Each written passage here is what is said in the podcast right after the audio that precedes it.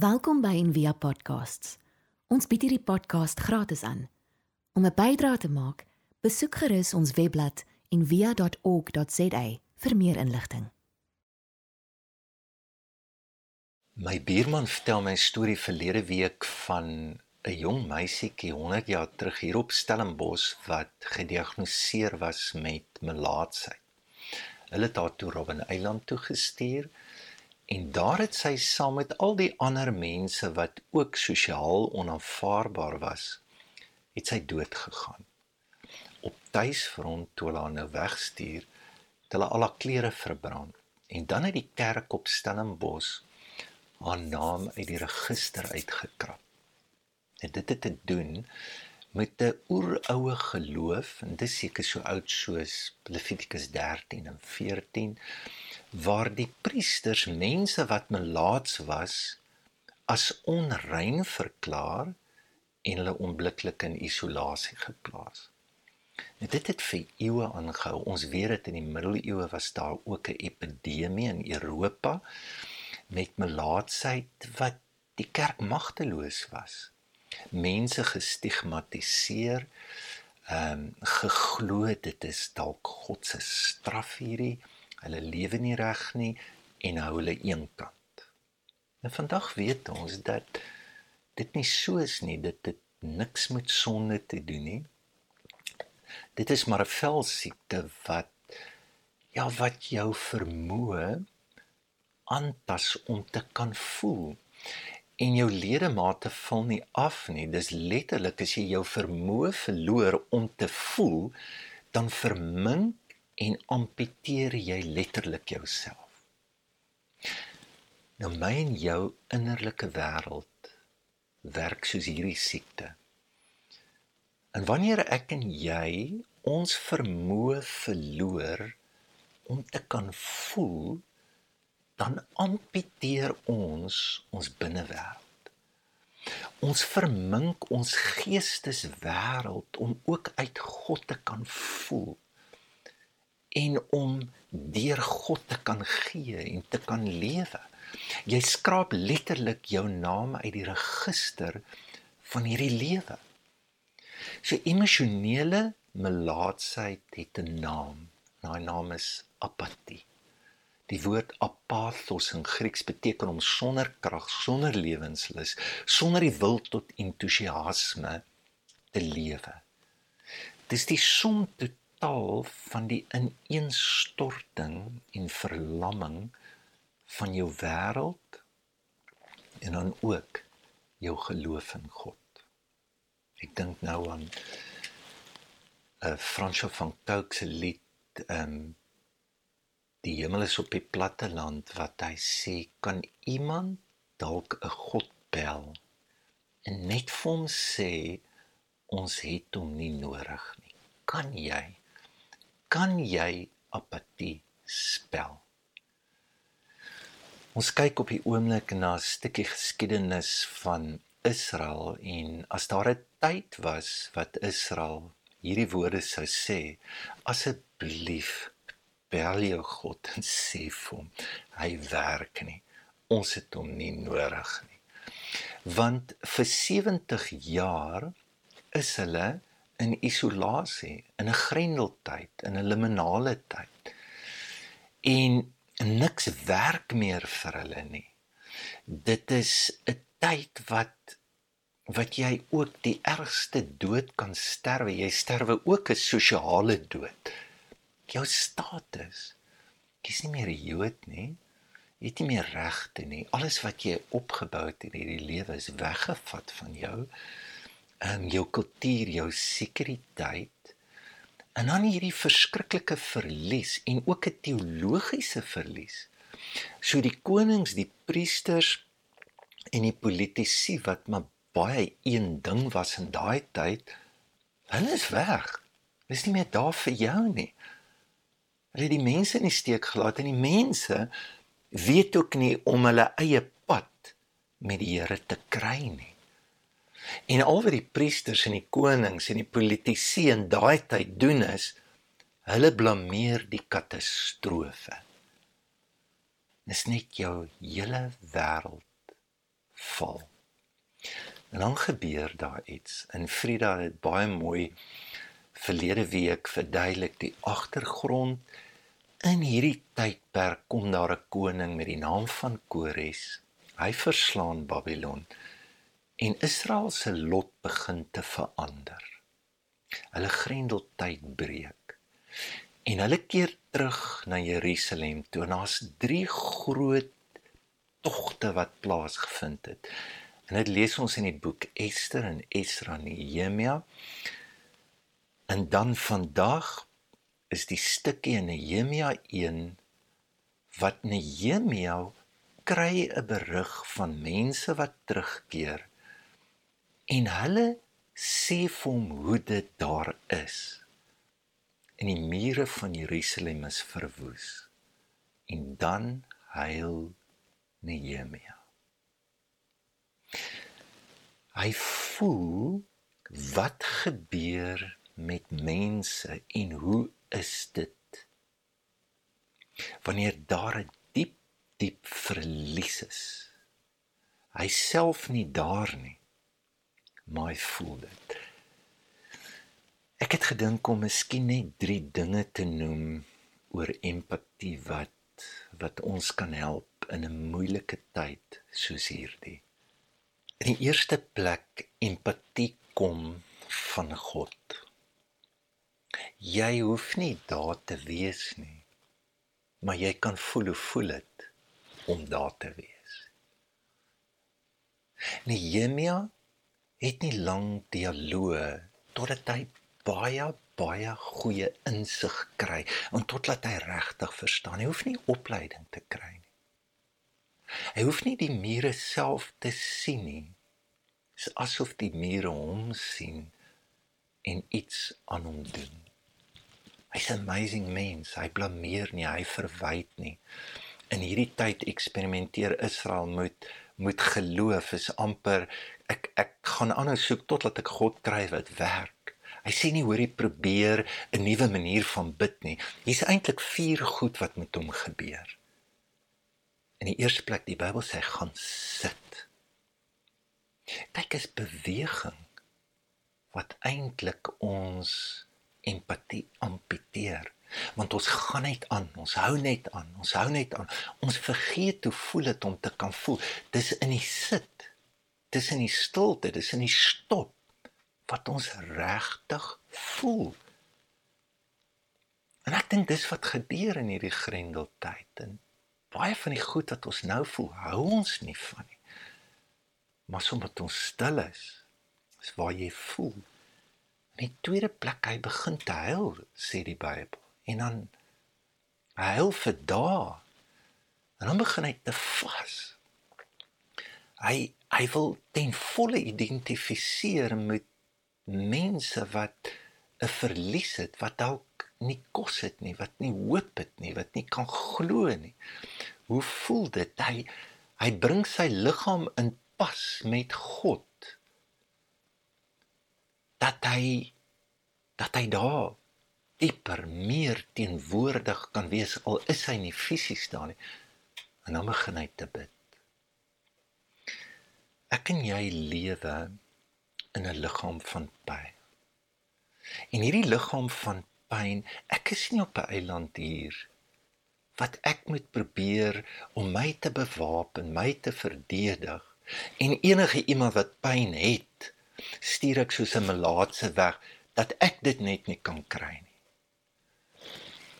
Ons is in hierdie wêreld en ek glo daar's 'n kompas, daar's 'n verklikker wat jou sal ek voel dat ek en jy is deel van dit. Hierdie week ehm um, ek was diep geraak deur die storie. Ek en Wilma het iemand wat al langer as 'n dekade ons help hier by die huis met huistaakies. En ehm um, hy help ons ook om 'n goue en kloetes wil te versprei. En ons praat elke dag en hierdie week toe bel hy my sê, "Tio, Ek het ver oggend wakker geword en ek was sop sop nat gehuil. Ek het ek het myself nat gehuil. Ek weet nie wat dit is nie. Dit het nog nooit met my gebeur nie.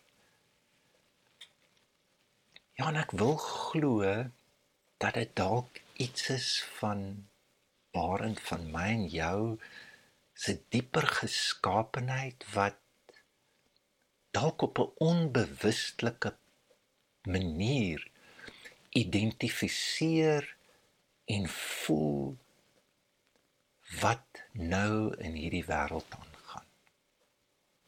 In die tweede plek empatie laat ons die realiteit van ander mense voel.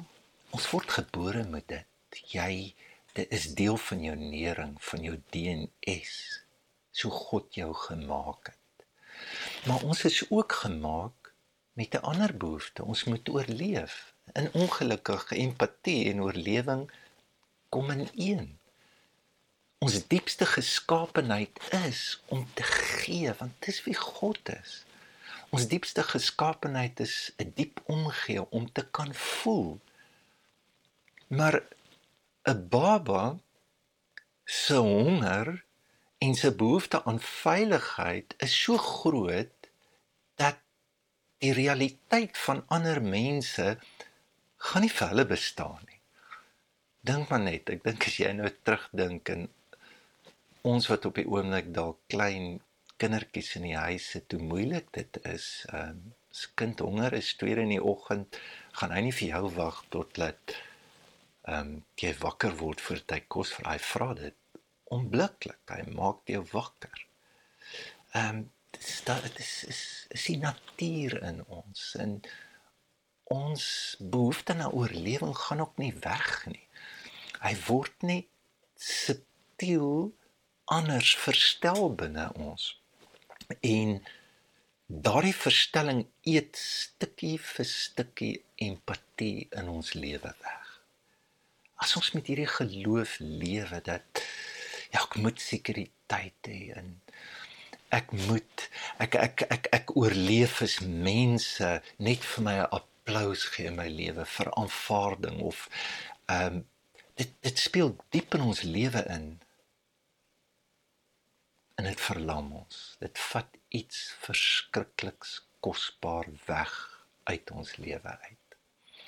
En ek en jy niemand van ons is ten volle liefgehad in hierdie lewe en daar's 'n stuk oor verwonding wat ons behoefte aan 'n verstaan van oorlewing net groter en groter maak wat wat ons heeltemal wegruk in selfbelang en ons toewep in 'n wêreltjie los van die wêreld waarin ek en jy lewe. Die laaste ding wat ek miskien kan sê is dat ehm um, empatie is het te doen met 'n geloof. Jy moet glo daar is so iets en dat jy dit kan ontvang om net te sê oor ons moet meer empatie kry, niemand gaan dit kry nie, want dit is nie iets wat jy intellektueel beter moet verstaan nie. Dit is iets waarvan ek en jy genees moet word. En ons word genees deurdat ons diepste instinkte geraak word deur 'n liefde wat nie jou gaan eksploiteer en wat jou onverantwoordelik vashou en kan lief hê soos wat jy nou is. En dit is wanneer empatie oopbreek in ons harte.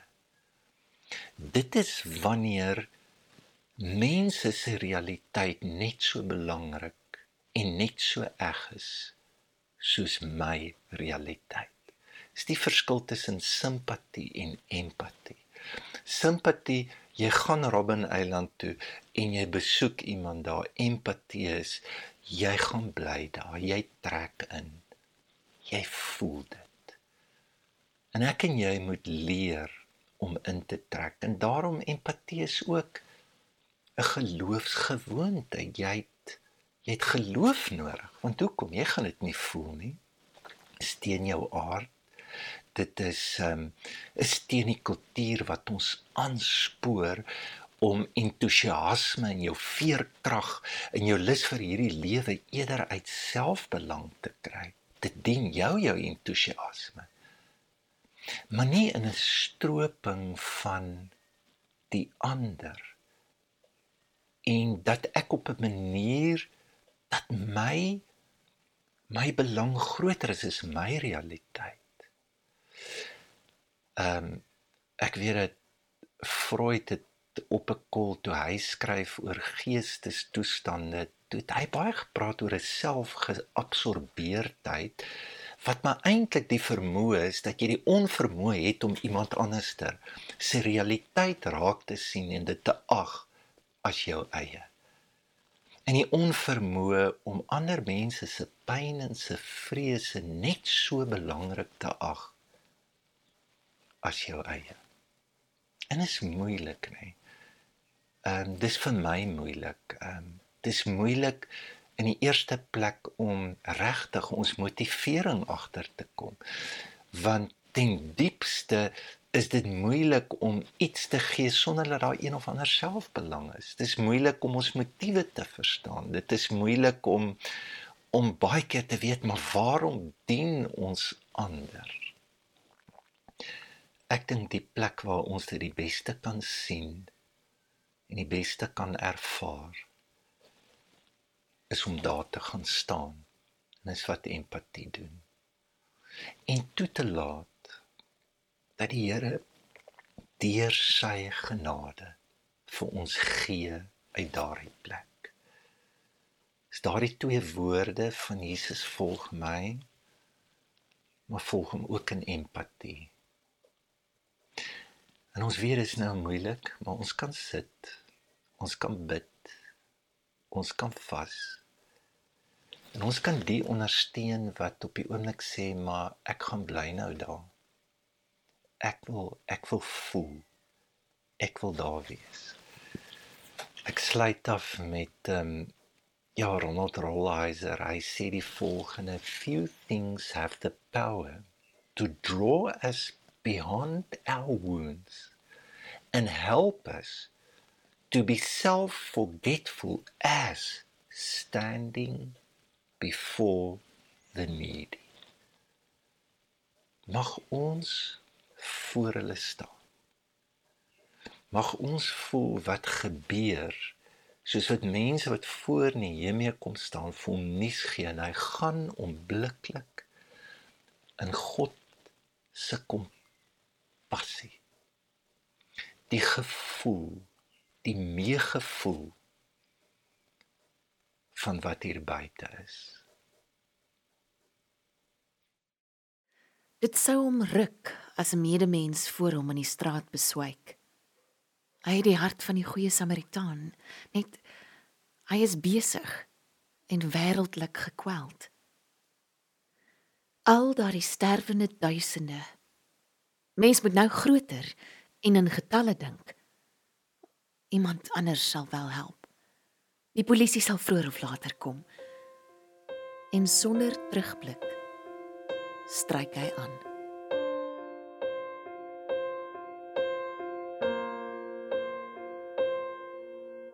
Jy jy staan so naby my dat my oë seer kry en ek moet ander pad kyk. Jy sien probeer myself vir my en as ek jou pyn gewaar moet ek my in die gesig staar bly ons maar dieselfde vasgevang in ons aparte velle. En al keer op keer der hellen hier himself does he hemel Be more now at a comfort zone Give a dog a bone My heart was slank en stukke Maar met stote en met drukke Het ek weer opgestaan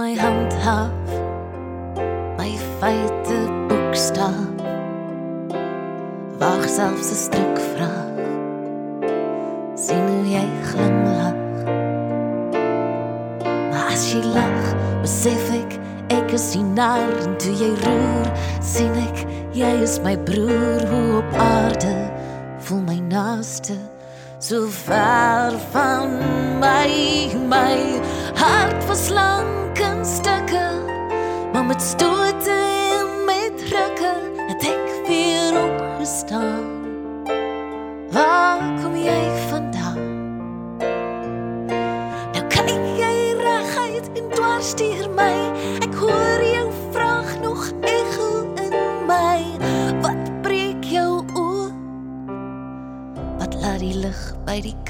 in loop nou gee my soen toe ek tog jy gaan net sê wat ry met ubuntu ek weet dit nou ek is sommat ons is. Die olie en wyn is vir die pyn daar's wiele om te ry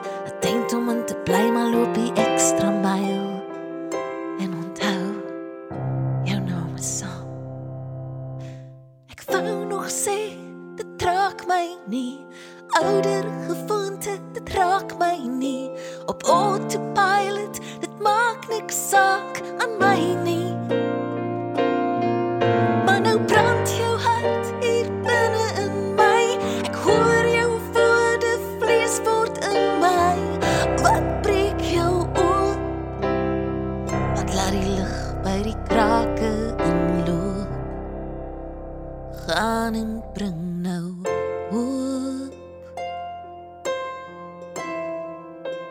gaan